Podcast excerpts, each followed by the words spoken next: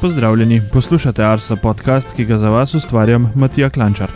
Poslušate 102. epizodo Arso podcasta, v srednji temi pa tokrat pogledamo, kakšen je bil mesec april doma in po svetu.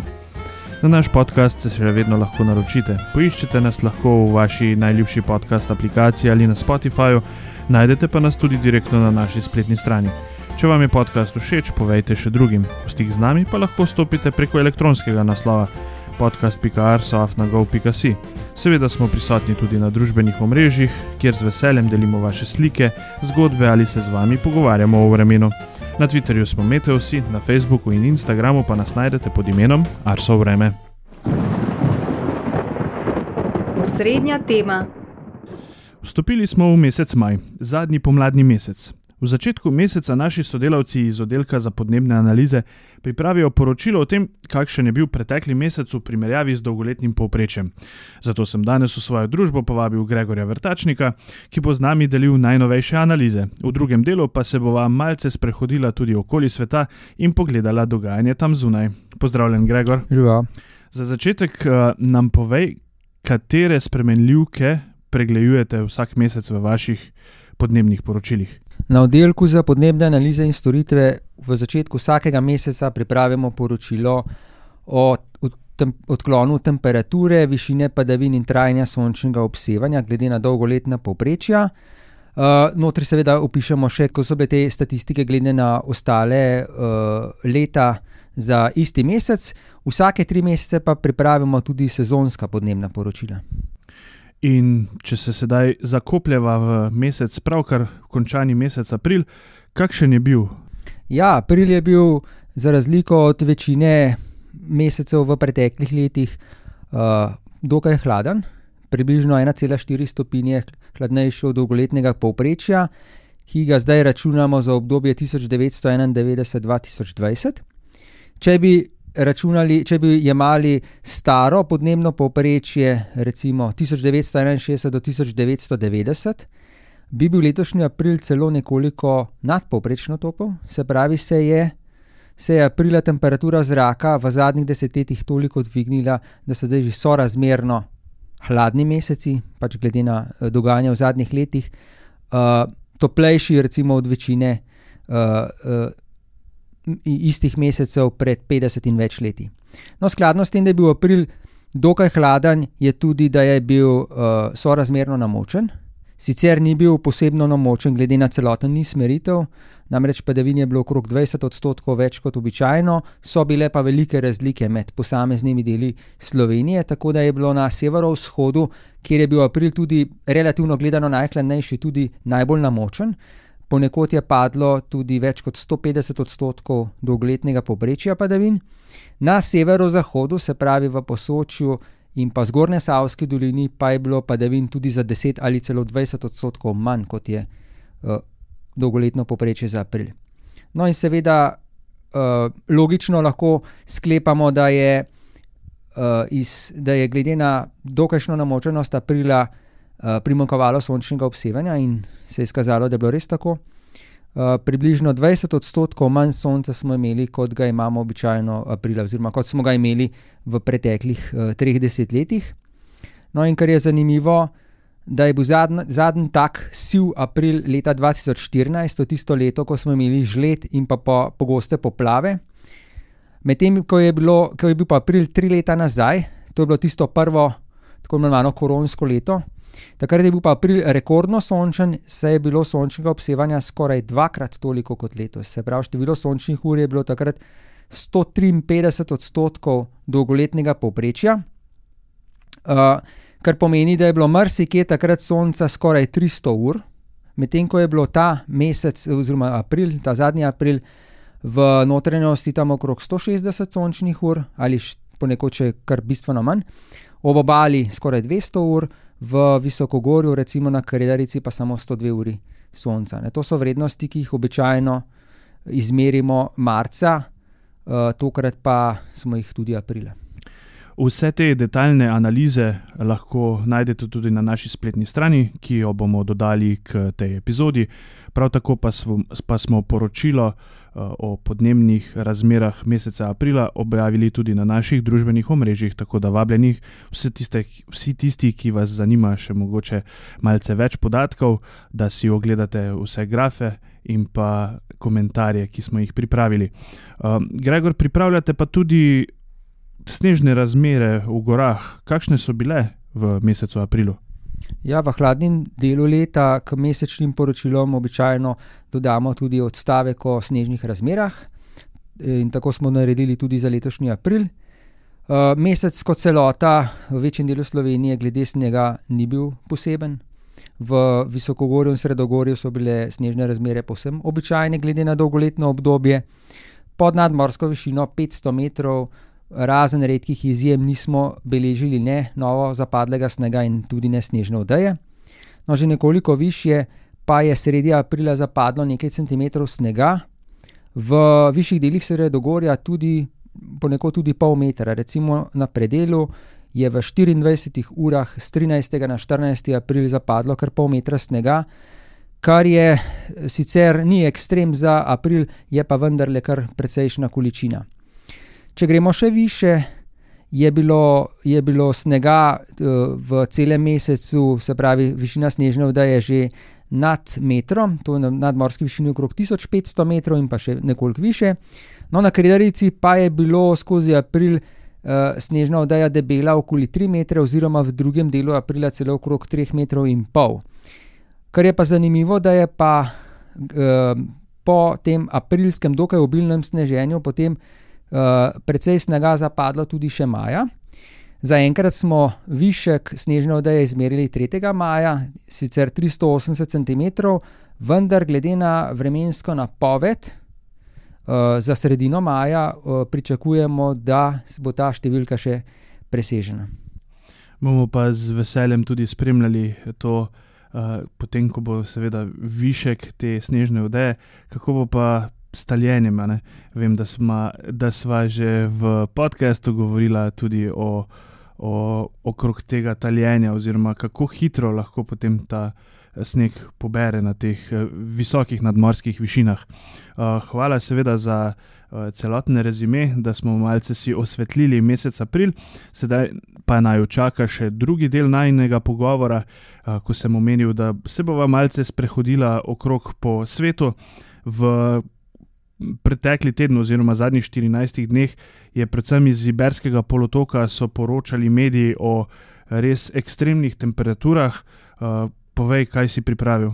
Ja, glavna, glavno podnebno dogajanje v zadnjem mesecu v Evropi je prav gotovo vročina v Španiji pa tudi nekaterih drugih, okoliških državah. nenavadno visoke temperature so se v Španiji pravzaprav začele že v sredini aprila. Že takrat so nekatera merilna mesta beležila več kot trideset stopinj Celzija. No, potem v zadnjih dneh aprila je bilo pa res izredno vroče, v večjem delu južne polovice Španije tako visokih temperatur kot letos aprila še nismo izmerili. Če začnemo s sedemindvajsetim aprilom, takrat je bil izmerjen nov rekord za celinski del Španije, in sicer v Cordobi so izmerili osemintrideset celih osem stopinje Celzija in ta vrednost je tudi, najvišja uradno izmerjena vrednost v celotnem celinskem delu Evrope. nekoliko, le nekoliko manj vroče je bilo recimo v sosednji Sevilji, kjer je bilo sedemintrideset stopinj, in pa v Muri na Portugalskem, kjer je bilo tudi skoraj sedemintrideset stopinj. No, in istega dne je padel rekord tudi na drugi strani, Sredozemlja, in sicer v Maroku, kjer so v Marakešu izmerili več kot enainštirideset stopinj Celzija. Ta vročinski val je potem počasi, sicer počasi slabel in se nekoliko pomaknil proti severu v naslednjih dneh, vendar pa se je vročina potem tudi še v prvih dveh tednih maja še kar naprej obnavljala. Tako da je bilo osemindvajsetega aprila, izjemno vroče tudi v Andori, kjer so na nadmorski višini skoraj devetsto metrov izmerili trideset stopinj Celzija. To pravzaprav recimo, če primerjamo Slovenijo, ki leži le, le nekoliko bolj severno, nepredstavljivo. Namreč na taki nadmorski višini uh, imamo postajo v Ratečah, pa je tam aprila, kadar je nekoli, nekaj čez 20 stopinj, že zelo, zelo toplo, 25 stopinj uh, praktično ni nikoli. Uh, in če celo poletje od 30 stopinj za, za to nadmorsko višino v Sloveniji, precej visoka vrednost. 29. aprila je bil maksimum, temperaturni maksimum bolj na jugovzhodu Španije, uh, predvsem zaradi vetra, ki je pihal z gorskih pregrad proti morju, in so v Rohalesu izmerili 37 stopinj Celzija, v Alicanteju 35, ta topel zrak pa je segel tudi na Balearske otoke, kjer se je segrelo do 34 stopinj Celzija. No, potem je bilo nekaj dni z nekoliko nižjimi temperaturami, čeprav o kakšni ohladitvi ne moremo govoriti, ker v, na jugu Španije v mnogih krajih so se še kar vrstili vroči dnevi.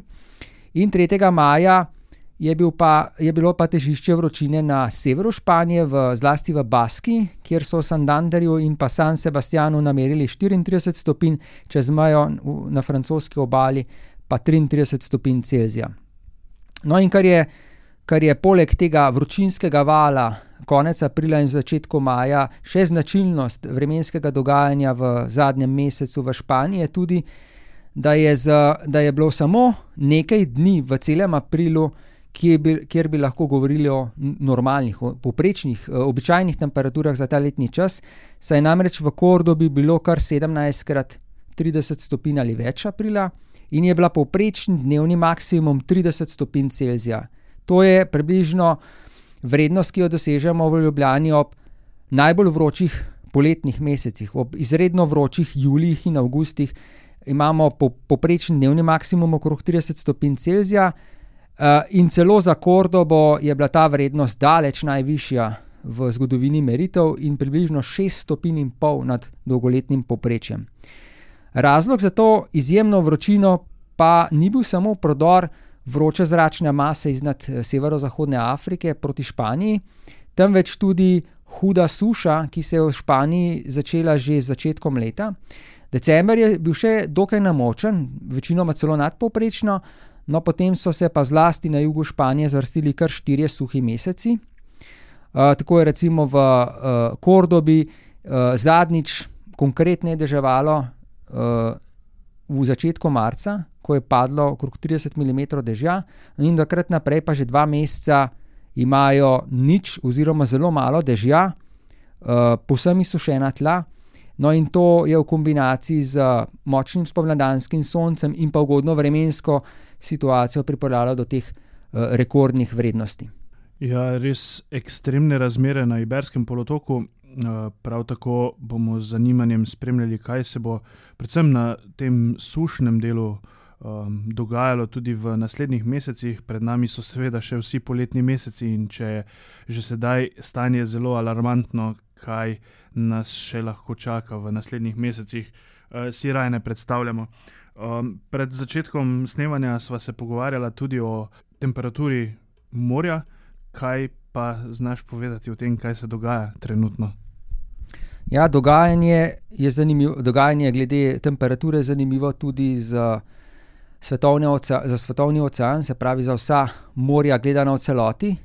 Namreč povprečna temperatura je dosegla uh, aprila nov rekord in sicer se je pospela na 21 stopinj Celzija, v, v, če, če seveda izločimo tiste uh, polarne predele, ki jih večinoma pokriva uh, led. Kar je prvič v zgodovini meritev, da, da beležimo tako visoko vrednost. Praktično po, praktično po vseh morjih je temperatura zraka nadpovprečna, zlasti velja pa to za območje zahodno od Peruja, se pravi na perujski obali, kjer se kažejo zametki El Ninja, ki bo verjetno nastopil v drugem delu leta, eh, verjetno že sredi ali konec poletja. No, in tam je temperatura uh, morske površine tudi 5 stopinj višja, kot je običajno za ta del leta. Drugo tako istopajoče območje je pa uh, območje uh, južno in pa zahodno od Španije, se pravi zahodni rob uh, Sredozemskega morja. Ter pa, ter pa območje Atlantskega oceana, nekako od obale Portugalske proti Kanarskim otokom je izjemno toplo, marsikje morje, glede na dolgoletne povprečne razmere za, za april oziroma maj, še ni bilo tako toplo. Sicer je odklon večinoma okrog 2 stopinje Celzija, vendar se moramo zavedati, da gre za odprt, pa zelo dobro premešan ocean, kjer so že odkloni eno stopinjo v eno ali drugo smer precej veliki. Lahko malce špekuliraš, kaj bi lahko to pomenilo tudi za gibanje vremenskih sistemov, mogoče kaj več tropskih ciklonov v letošnji sezoni? Ja, uh, napovedi za tropske ciklone za Atlantik kažejo, da bo verjetno aktivno, aktivnost zmerna. Saj namreč v fazi Elninja uh, vetro, veterne razmere v višjih delih ozračja običajno niso ugodne za razvoj tropskih eh, ciklonov. Se pravi, čeprav imamo sorazmerno topov Atlantik na tistem območju, kjer običajno nastajajo in se razvijajo tropski cikloni, pa verjetno veterne razmere više v zraku ne bodo najbolj ugodne za krepitev teh uh, nastalih tropskih ciklonov v močne orkane, čeprav seveda vedno so možna presenečenja. In pa dovolj je že en sam orkan, da naredi veliko opustošenja, recimo v Karibih ali na obalah Amerike.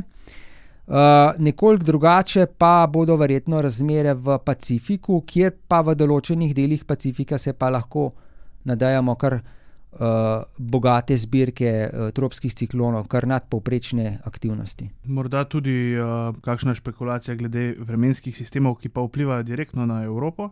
Uh, sezonske vremenske napovedi, ki za Evropo ponavadi niso prav zelo uporabne, sicer kažejo, da bo poletje zlasti v južnem delu Evrope nadpovprečno toplo, verjetno celo med najbolj vročimi v zadnjih 50 letih.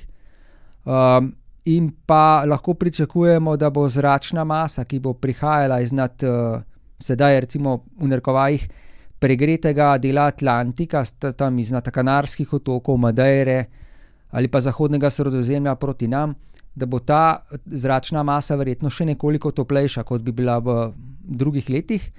Uh, in morda, če se bo ta uh, suša iznad severozahodne Afrike in pa Španije razširila proti srednji Evropi, se pravi, če bomo imeli zdaj maja, pa junija, recimo manj padavin kot običajno, si lahko nadajamo pa probleme z vodo tudi pri nas.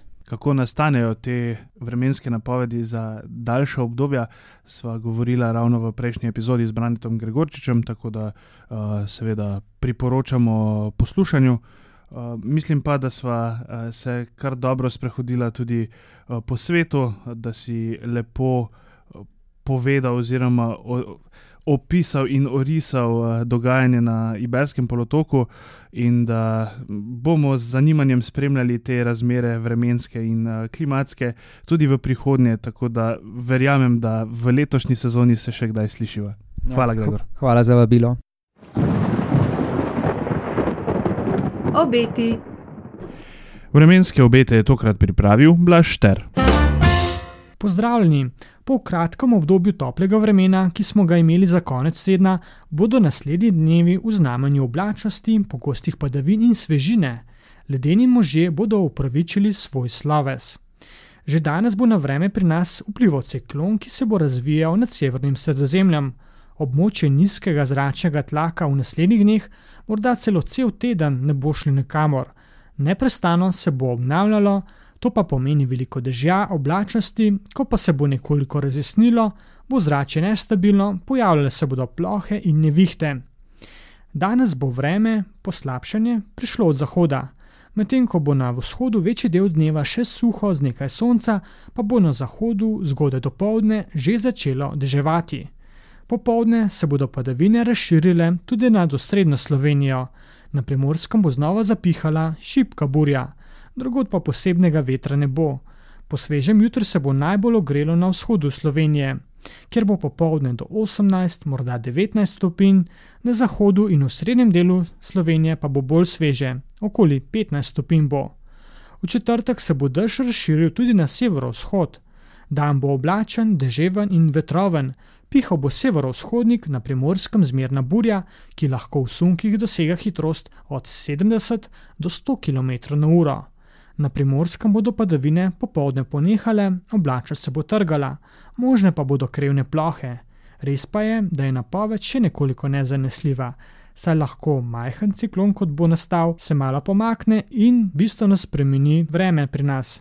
Temperature bodo le malo na 10 stopinj, bistveno topleje bo na primorskem, kjer bo blizu 20 stopinj.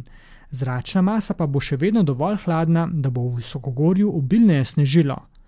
V petek in soboto bo vreme milo rečeno spremljivo. V višinah se bo namreč še zadrževal hladen zrak.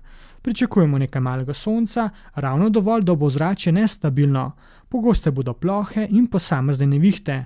Ob šibkih vetrovih se bodo padavinske celice le počasi pomikale, možni bodo nalivi, temperature pa bodo od 14 do 20 stopinj, topleje bo v soboto.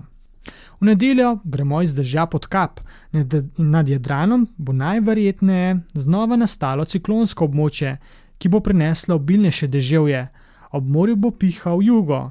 V prihodnjem tednu kaže, da bo vreme malo boljše, vendar to še ne pomeni, da bo suho, še bodo krevne plohe razmeroma pogoste. Temperatura zraka bo šla malo navzgor, a vročine še nekaj časa ne bo. Z analizo vremenske preteklosti smo pripeljali 102. epizodo Arso podcasta do konca. Želim vam obilo lepega vremena in se slišimo čez 14 dni.